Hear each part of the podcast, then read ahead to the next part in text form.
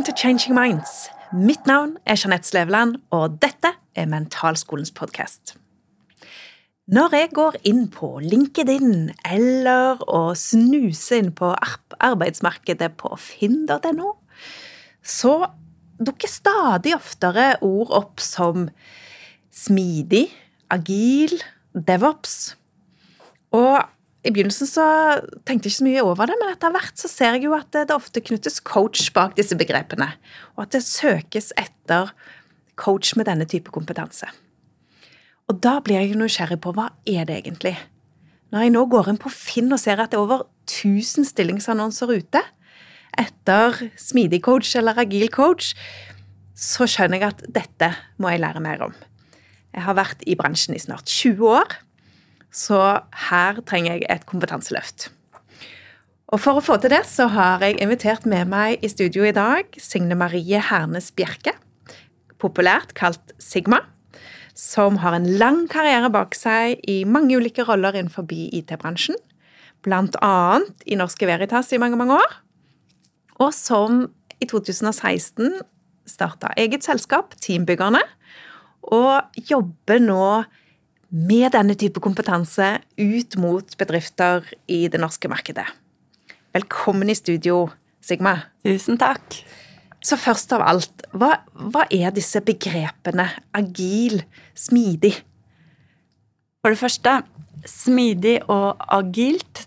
Smidig er det norske ordet for agilt. Og devops, det er en videreutvikling hvor ting går enda raskere. For smidig eh, tilnærming. Da jobber vi på en måte som eh, vi eh, har stegvis eh, tilnærming og får rask tilbakemelding, for det første. Og så har vi mennesket i fokus. Eh, slik at vi får brukt mye mer av det menneskelige potensial. Og når vi ser litt på hva dette innebærer, så er det en kulturendring av dimensjoner, og det er et skift i mindset, rett og slett. Og derfor så trenger vi jo coacher for å hjelpe til å få en hel organisasjon over på et nytt mindset. Dægan. Dette høres ut som svære greier. Så, så hva er det som skjer i arbeidslivet nå, da, som gjør at så mange søker etter folk med denne kompetansen? Det aller viktigste er at det går eh, raskt nå. Raske endringer er stikkordet som alle virksomheter opplever. Bare tenk over pandemi, krig. Eh, korona satte jo eh, en helt ny standard for eh, hvor raskt vi måtte respondere på endringer. Og by the way, den satte jo også en ny måte å stole på medarbeidere på. Tidligere så var det veldig mange som eh, var eh, skeptisk. Hva? Skal du jobbe hjemme i morgen? Da, da mister jeg deg av eh, syne. Mens under korona Kan ikke kontrollere hva du holder på med. og under korona så så vi jo det at vet du, de som jobber hos deg, de er jo der for å gjøre en bra jobb. Og på hjemmekontoret så var det jo ofte enda bedre resultater fordi at alle ble utfordret til å gjøre sitt beste. Og vi måtte løse ting raskt. Og dette er jo også en, en av essensene i smidig.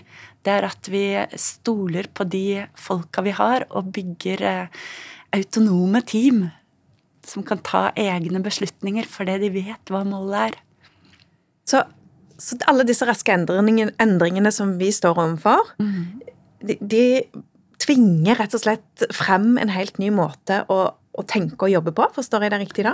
Helt riktig. Og de som ikke blir med på dette nye tankesettet, og ikke blir lærende organisasjoner hvor de får eh, eh, brukt mer eh, Altså får mer både meningsfullhet og inspirasjon inn i organisasjonen.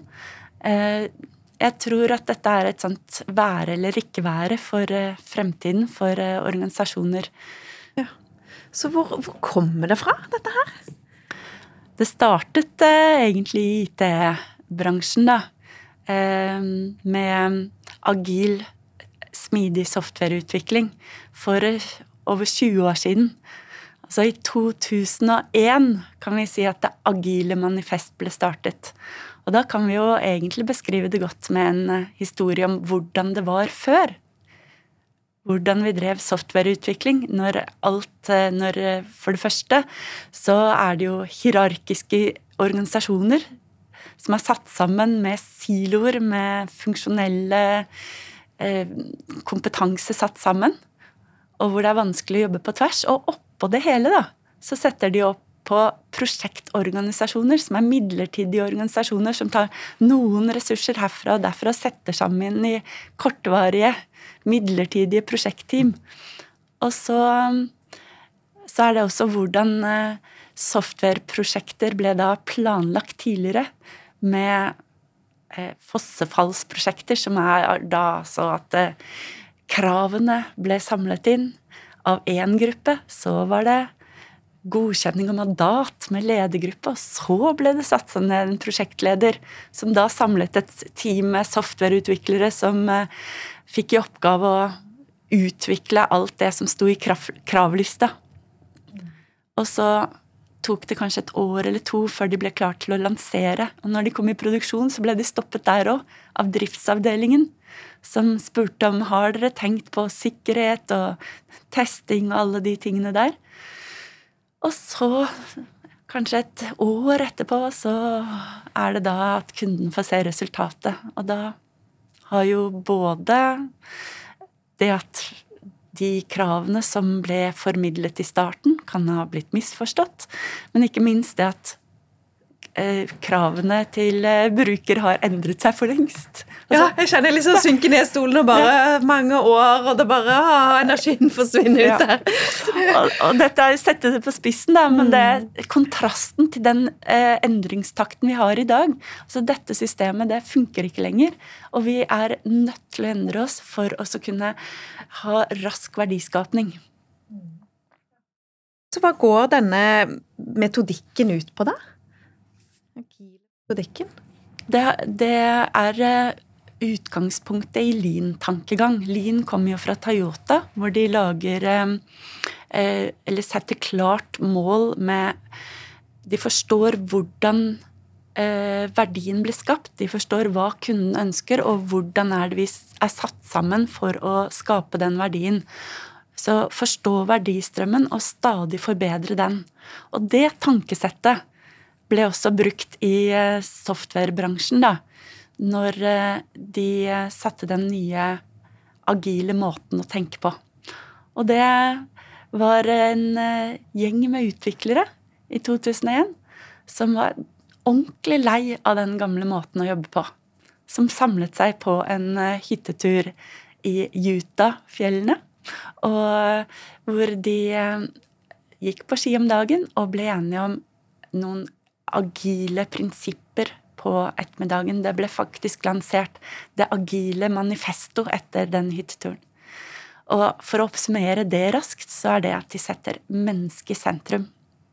Høres ut som eh, noe som er forenlig med coaching òg, dette her. Mennesket i sentrum.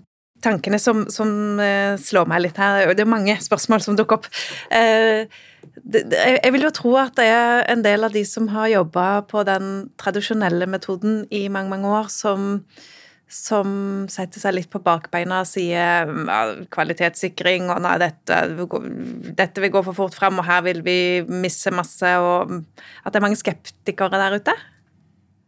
Jeg tror ikke eh, Altså, tidligere så var det nok mer skepsis enn nå, for nå begynner det å bli så anerkjent. Og veldig mange lurer heller på hvordan kan vi få det til? Hvordan kan vi gjøre det mulig? For det, eh, det som også har skjedd eh, hvis vi drar historien lenger, fra 2001, hvor dette ble vanlig å jobbe eh, smidig i softwareutvikling, så sto de fortsatt fast før de skulle produksjonssette. Men i rundt 2010 altså litt før, og sånn kom ideen med å få også driftsproduksjonssettingen innenfor IT over på slik at du kan løpende produksjonssette. Og da kom også cloud computing, som gjorde dette mulig, og mye eh, teknologi som eh, hvor alle leverandører av teknologi også støttet opp under å få eh, det vi kaller eh, en pipeline, da, tjenesteorientert arkitektur, sånn at vi har et tverrfaglig team som består av både utvikling og drift, derfor dette ordet DevOps, eh, som samarbeider om verdiskaping på eh, software helt ut til produksjon, og som eh, Vi har et mantra 'you build it, you run it'. Da har de ansvar for den det produktet sitt hele livssyklusen. Så vi snakker om langvarige produktteam som kjenner kundene sine godt, og det går på tvers av både utvikling og drift. Eh, og dette blir jo en game changer i forhold til det hvor lang tid det tok tidligere. Så fra å produksjonssette noen ting ja, et par ganger i året, da, så er det nå de beste produksjonssetter eh, små ting. Eh, kontinuerlig mange tusen ting hver dag. Vi snakker om eh, noe som bare utkonkurrerer alle andre. Mm. Så vi har en um, eh, En som, eh, som heter Carlota Perez, som ser på teknologiutvikling generelt sett. Og ser at vi nå er i et eh, vendepunkt i softwarealderen hvor de som har knokket den koden her, de drar fra resten. og dette har ganske Ja, og dette har så, så, mye med kultur å gjøre. Alle de som har jobbet mye med det, de sier at teknologien, ja, den er der, og du kan få den på plass. Det som virkelig er utfordringen, er å få endret mindset og kultur i organisasjonen, sånn at du kan legge til rette for tverrfaglige team som klarer å skape verdi raskt. Ja, Det der må vi komme litt tilbake til. For nå må jeg bare oppsummere litt om jeg forstår deg riktig. Så eh, hele dette tankesettet eh, kommer fra IT-bransjen inspirert av Toyota, som nå kan ikke jeg så veldig mye om Toyota heller, men mm. uh, det lille jeg vet, er at de har hatt en helt egen måte å drifte på, uh, som de har hatt kjempesuksess med, og de, har, de ligger langt over alle bilmerker på, på hele denne produksjonen og, og, hele linja. Og nå har jo stort sett de fleste store aktører innenfor bil og fly og alt eh, tatt etter den måten å jobbe på som Toyota hadde. Men det det handler om, er også Eh, definere verdistrømmer og bygge kvalitet inn. Ha den stegvise tilnærmingen og bygge kvalitet inn eh, så tidlig som mulig. Istedenfor å vente med alle kontroller og sjekker og sånt til slutt. Så samarbeider vi hele tiden om eh, kvalitet og de mm. små stegs forbedringer. Mm. Mm. Ok, så, så, og, og, du var litt inne på det her, du, du snakker om kultur. Mm. Og da snakker vi om i bedriften? Altså I organisasjonskultur bedriften. eller bedriftskultur? Ja, absolutt. Og hva, uh, hva, hva, hva, med den? Altså for, for, de som nå enten kunne tenke seg å jobbe som smidig coach, eller er i en ledelse eller i en mm. posisjon i en bedrift og tenke at hm, dette må vi uh, dette her har vi missa ut på noe, eller dette er nok veien for oss. Ja. Hva, hva, hva, hva, mener du med organisasjonskultur, og hva er det som må gjøres for å få til dette her? Gi oss oppskriften! yes. Skulle ønske det var en sånn eh, knapp du kunne trekke på bare få dette til å synke godt inn i alle menneskene som jobbet i organisasjonen. Men vi har jo den arven fra taylorismen, da, og den hierarkiske oppsettet på organisasjoner som står i stor kontrast til denne måten å jobbe på, og hindrer ganske mye sånn tverrfaglighet. For det organisasjoner har jo ofte blitt satt opp med en struktur hvor eh, de ansatte blir eh, gruppert og sortert etter kompetanse, sånn eh, spesialkompetanse, satt til siloer. Og så blir de også målt på siloene. Sånn at topplederne setter jo strategier og mål, slik som taylorismen egentlig satt opp, at det er lederne som tenker og arbeiderne som utfører. Og det var kanskje på sin plass akkurat eh, for å få i gang den industrielle revolusjonen. Men med så mange høyt utdannede folk som eh, inntar arbeidsmarkedet nå, ikke sant Du har kunnskapsarbeideren. Det, det bare gir ikke mening lenger. At, er, eh, at du overlater tankeprosessen og strategiene, at det er lederne som gjør det, og så deler de opp mål, og så legger, synker dette nedover i organisasjonen til siloene. Og så skal de også bruke masse tid på å rapportere oppover. Og forsinkelsen som eh, eh, skjer fra du beslutter nye strategier eller måter å jobbe på, til det faktisk blir utført, og all den motivasjonen og menneske, menneskelig potensial du går glipp av da, den, eh, det å se dette bildet klarere Og jeg tror det som må endres, er jo for det første eh, menneskesynet. At vi er Hvis du har med deg det der grunnleggende menneskesynet om at alle går på jobb hver dag for å gjøre sitt beste, og det er kompetente folk som du kan ha tillit til. Altså, hvorfor skulle du ansatt dem hvis du ikke har tillit til dem? og, og når, eh, når, du for det første har det grunnleggende menneskesynet med, med, tillit til dine ansatte, at dette er voksne, kompetente mennesker som kan forstå problemene og forstå kundene og hva de trenger, og jobbe sammen for å eh, skape verdi. Og så har du i tillegg den verden vi ser utenfor hos oss nå, som eh, har gått fra eh, komplisert, hvor du kan kanskje tenke deg fram til ting og lage planer, til en kompleks verden hvor ting endrer seg så raskt. Det er så mange faktorer som du eh, ikke har kontroll på. Og det å kunne respondere lynraskt på endringer, det kan sant, være én hendelse i en helt annen eh, del av verden som får konsekvenser her hos oss i løpet av bare få dager. Jeg er så sammenknyttet. Ja. ja for å si det sånn, jeg er jo eh, utdanna Mac-designer i bånn. Eh, og jeg ville ikke ansatt meg verken som Mac-designer eller noe annet innenfor den bransjen i dag. Så, så det er noe med hvor raskt hvor rask utvikling, raskt utviklingen skjer i dag. Ja. Og, og, det som kanskje var en sannhet og var en måte å arbeide på og var kunnskap vi trodde vi hadde, uh, enten det er medisin, psykologi mm. eller IT, mm. det er Det blir fort uh, ut, utgått ja. uh, på dato. Mm. mm. Jeg tror det er oppsummeringen da, for det agile, menneske, nei, agile mindset det er for det første det å skjønne at vi er nå i en eh, kompleks verden hvor vi må ha hjelp fra et team. Vi kan ikke stole på ett menneske alene for å legge planer. Vi må ha et team som eh, sammen eh, utforsker de problemene vi skal løse. For det problemet endrer seg jo også mens vi jobber med det. Og dette er ikke bare sant innenfor softwareutvikling. Det er jo ellers også at vi må bruke hele, hele potensialet vi har fordi ting endrer seg raskt. Og fordi at vi har store, viktige problemer å løse. Og så er det det med menneskesynet. Og så er det å jobbe iterativt.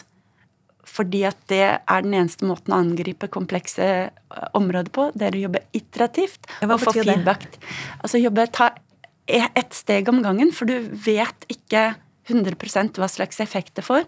Kanskje du har flere ideer i teamet, sånn at du tester det ene og det andre, og så får du datadrevne beslutninger for det du har testet, og så går du små steg hele tiden og får tilbakemeldinger. Og gjør justeringer. Og justeringer sånn, du kan ikke underveis. planlegge fra A til Å fra ja. start, men du må planlegge mer fra A til B, ja. få feedback, og så til C. Ja. Ja. Og du er nødt til å få en kultur hvor det er trygt å prøve og feile trygt å eksperimentere.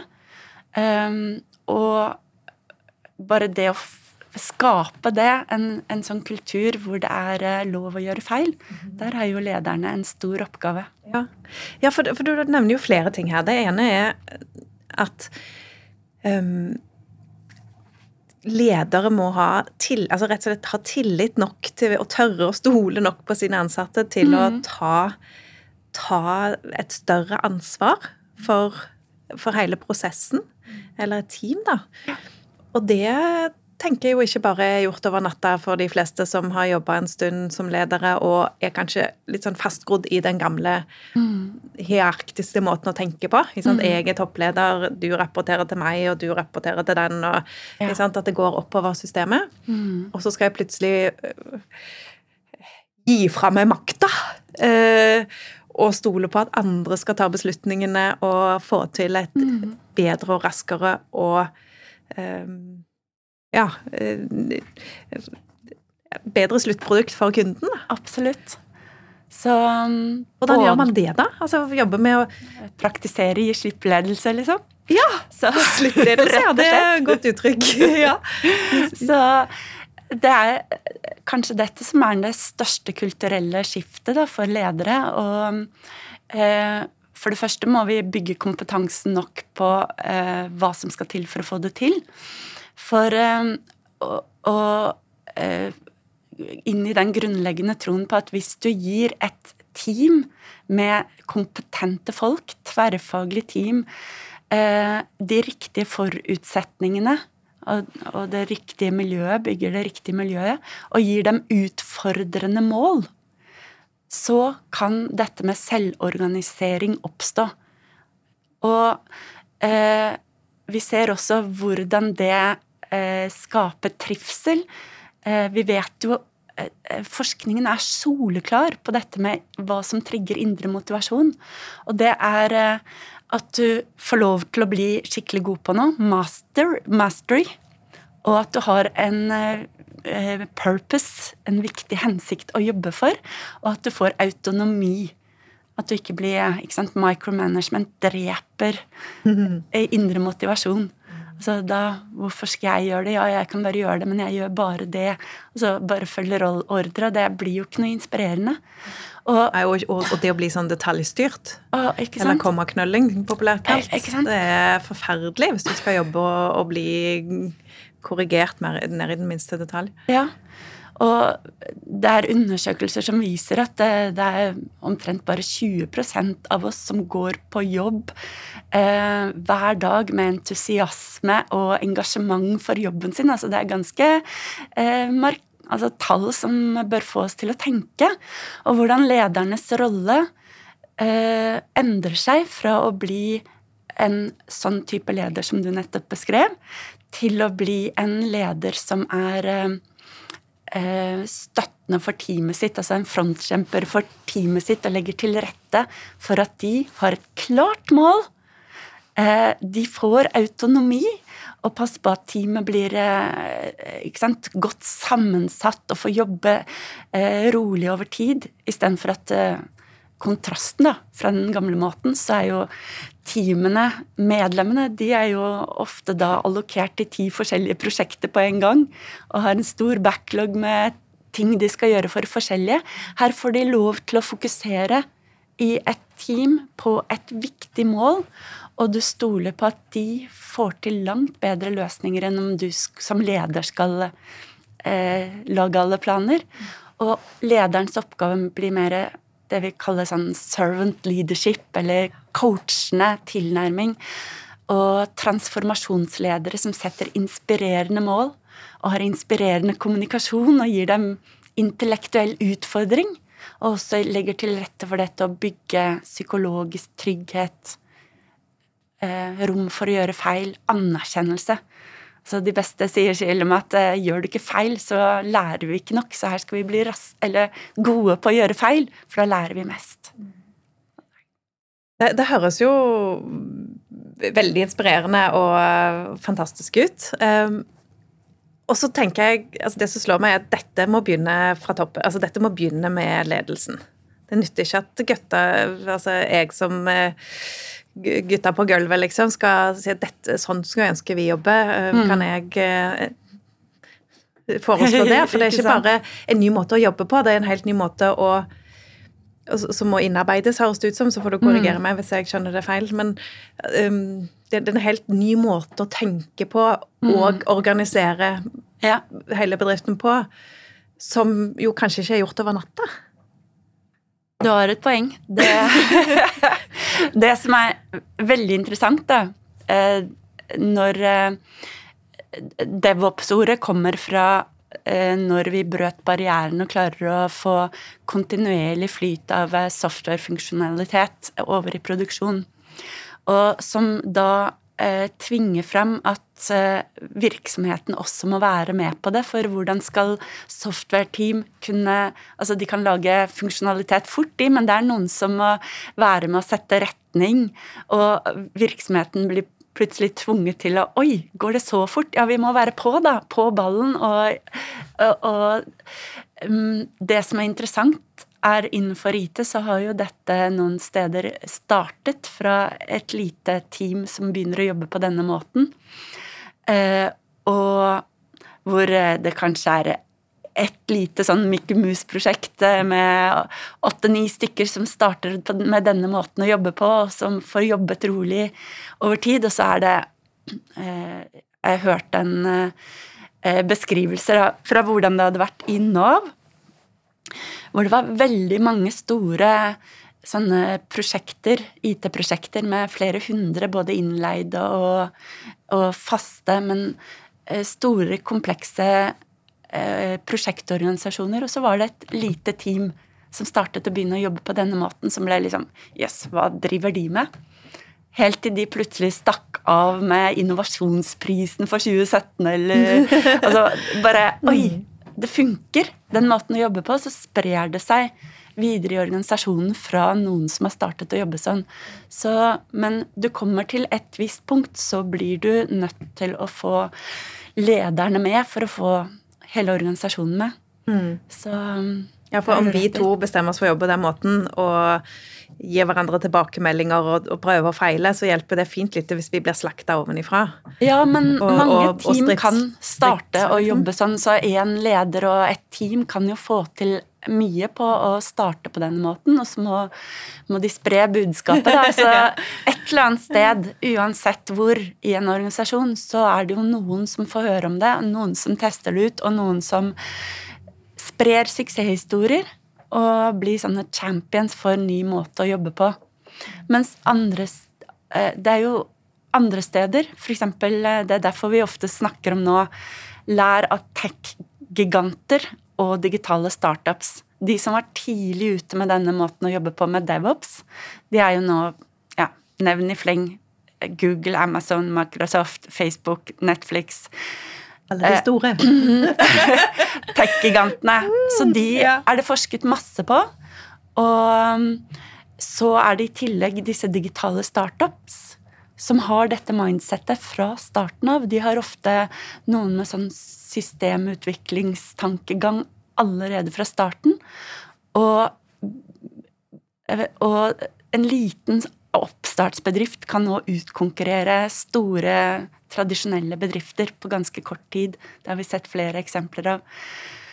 Dette er ting du jobber med ute i dag, mm. så det er bedrifter som, som, jobber på denne måten nå, ja, og som ja, ja. allerede kan måle effekten av det og, og, og, og ser at det funker. Ja, Mm. Jeg arrangerte nettopp en uh, konferanse hvor jeg var konferanseleder og fikk med historier fra mange av de som har hatt uh, gode resultater fra det allerede, for å bare få budskapet ut at dette her må flere se på. Og det gjelder ikke bare IT.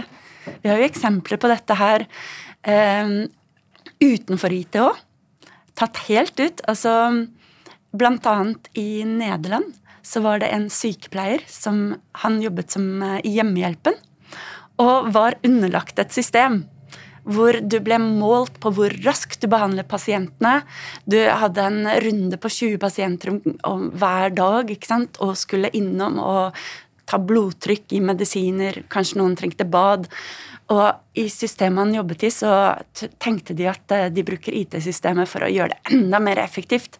Så de hadde til og med sånn kode på døra til pasienten, og de hadde produkt hvor de kan klikke på 'Jeg har tatt ett bad', og 'Jeg har tatt, skiftet en bandasje', et produkt. Og, og, de ble målt på hvor masse de klarte hver dag. Han, han ble bare dette her, Jeg trives jo ikke i jobben min. Og disse pasientene de ser jo bare stressa sykepleiere som kommer innom og skifter bandasje og går igjen. Og han ble så lei at han startet en egen organisasjon. Han heter Jos de Blokk og startet Bortsorg i Nederland, som nå er det største selskapet for eh, hjemmehjelp i Nederland. Det er bare tatt helt over. Og det startet med et par selvstyrte team av sykepleiere som tok seg av eh, De valgte selv hvilke pasienter de tok inn. Når det ble for mange pasienter i sitt område, så deler de seg selv i to. Og de har eh, det Just the Block eh, sant, brenner for, det er at dette skal være en totalt selvstyrt organisasjon. Disse teamene skal trenes i å kunne ta beslutninger selv. Det er jo høyt kompetente folk, sykepleiere, som vet hvordan behandle mennesker. Og de bestemmer selv hvilke de skal ta inn. De har tid til å ta en kaffekopp med pasientene, bli ordentlig kjent med dem. Um, og dette skaper igjen bedre både mental helse og fysisk helse. ikke sant? Du blir, du blir bedre form av å bli sett og respektert som pasient òg. Og de som jobber der, får jo autonomi og føler seg verdsatt i jobben sin. De har ikke noen som hele tiden ser over skulderen. De velger selv hvordan de skal utføre jobben sin og profesjonen. Og så er det Det, det høres jo nesten litt for godt ut til å være sant. Ja. Uh, og, og, det er en tanke sånn som slår meg her på Altså, er det, er det en litt for naiv tankegang til at, det, til at dette kan gå seg til overalt? Altså, er det, er det noe sånn uh, for et fåtall?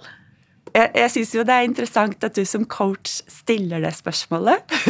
Ja. Fordi at eh, det er jo Jeg tenker fra de som er i det tradisjonelle systemet eh, Og hvis de skal fortsette med samme måte å tenke på som før eh, Det er noe å ta inn over seg. et et eh, positivt menneskesyn. Og jeg tror også at menneskene, når du gir rom og tillit, så, så blir andre ting mulig enn hvis du skal ha fra et paradigme hvor du er drevet fra et uh, menneskesyn hvor uh, vet du hva, vi må kontrollere uh, alt og ikke sant, vi Norske bedrifter tror jeg er kommet ganske langt på Eh, det vi kaller empowerment. Vi har jobbet mye med det. Men det å ta det helt inn over seg at vi er eh, voksne mennesker med masse kompetanse som ønsker å gjøre en forskjell. Og, eh, og det å få rom ordentlig til å være med på det, hvorfor skal det, hvorfor skal det da Eh, være bare ledere som kan ta de viktige beslutningene, og vi alltid må gå der for å eh, ja, ja, ja. Nei, og, det, og, det, var ikke det altså, det var spørsmålet mitt, så var det ikke det um, Altså, jeg synes det er viktig også, For det er litt sånn myte, det der, tror jeg òg. At ja. coacher ikke tenker kritisk. At det ja, ja, bare, vi bare Alt er mulig. Men jeg tenker at som coach så er det ekstremt viktig å òg ha det kritiske mindsettet med inn. Og, og, mitt spørsmål er vel heller Klarer vi å snu alle mm. til å ville og klare å tenke på denne måten? For endring må jo være ønskelig, er min erfaring. Mm. Eh, jeg kan, ikke, jeg kan ikke coache en som ikke vil eh, bli coacha.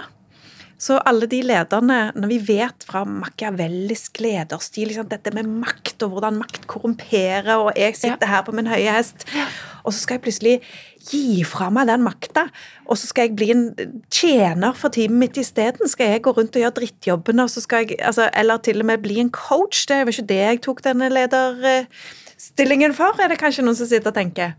Så kan vi virkelig klare å omvende mm. alle disse gamle traverne.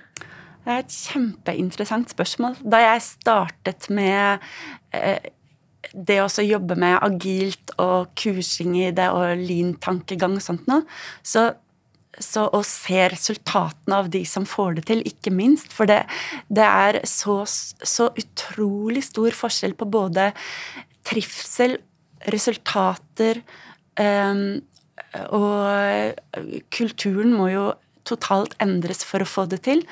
Men jeg tenkte jo da naivt som jeg var, at dette, kommer, dette skiftet kommer til å gå fort. Dette kommer til å endre verden fort. Men det tar tid, altså.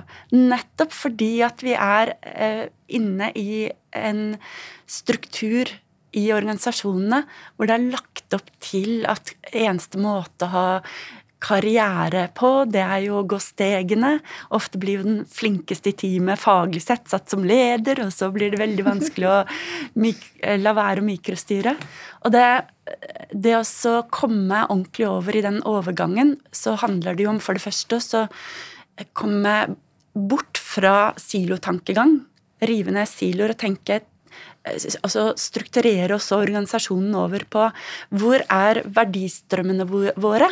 Hvordan kan vi lage tverrfaglig team med ansvar for verdistrømmen som jobber med, tett med kunder og får tilbakemeldinger, altså den måten å jobbe på? Eh, da kan de bli autonome og bygge kompetanse, og når de også får være langvarige team, da, vi kaller det produktteam, men det kan jo like være disse sykepleierne. Så tenk så mye som skal til for å bygge gode team. Altså og, ja. i Norge i dag som ikke er på randen av å være utslitt, eller som, eh, som, og, og som føler som, menneskeverdet. Som kunne drømme om det ja. du har fortalt i dag. Og, og, og for eh, de som også har fått masse opplæring i det, så er det et så stort kulturelt skift, det å gi slipp. Så um, selv når de har bygget disse teamene og ser sant, at det går, så er det jo litt uh, Det er som en uh, forståelse av at jorda er flat. Du kommer fra jorda er flat tankegang. Og så får du så mange beviser for at, det, at jorda virkelig er rund. Og så begynner du etter hvert å erkjenne at 'oi, jeg har tatt feil'. Jorda er rund, jeg skal over på dette nye tankesettet her. Så jorda er rund, greit, jeg skjønner det nå. Men dere, pass på at dere ikke tar skipet for langt ut på kanten, da. det er den.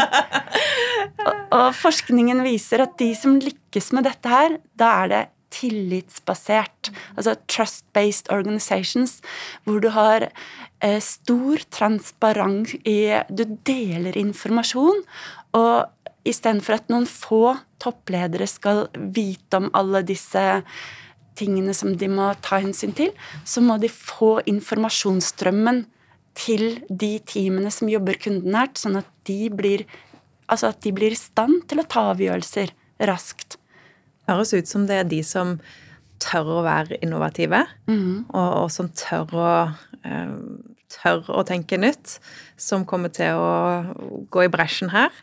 Og så, så, så kommer sinkene bak, om, om, de klarer å overleve. Jeg håper det går fortere, fordi at eh, samfunnet vårt er i så stor endring nå.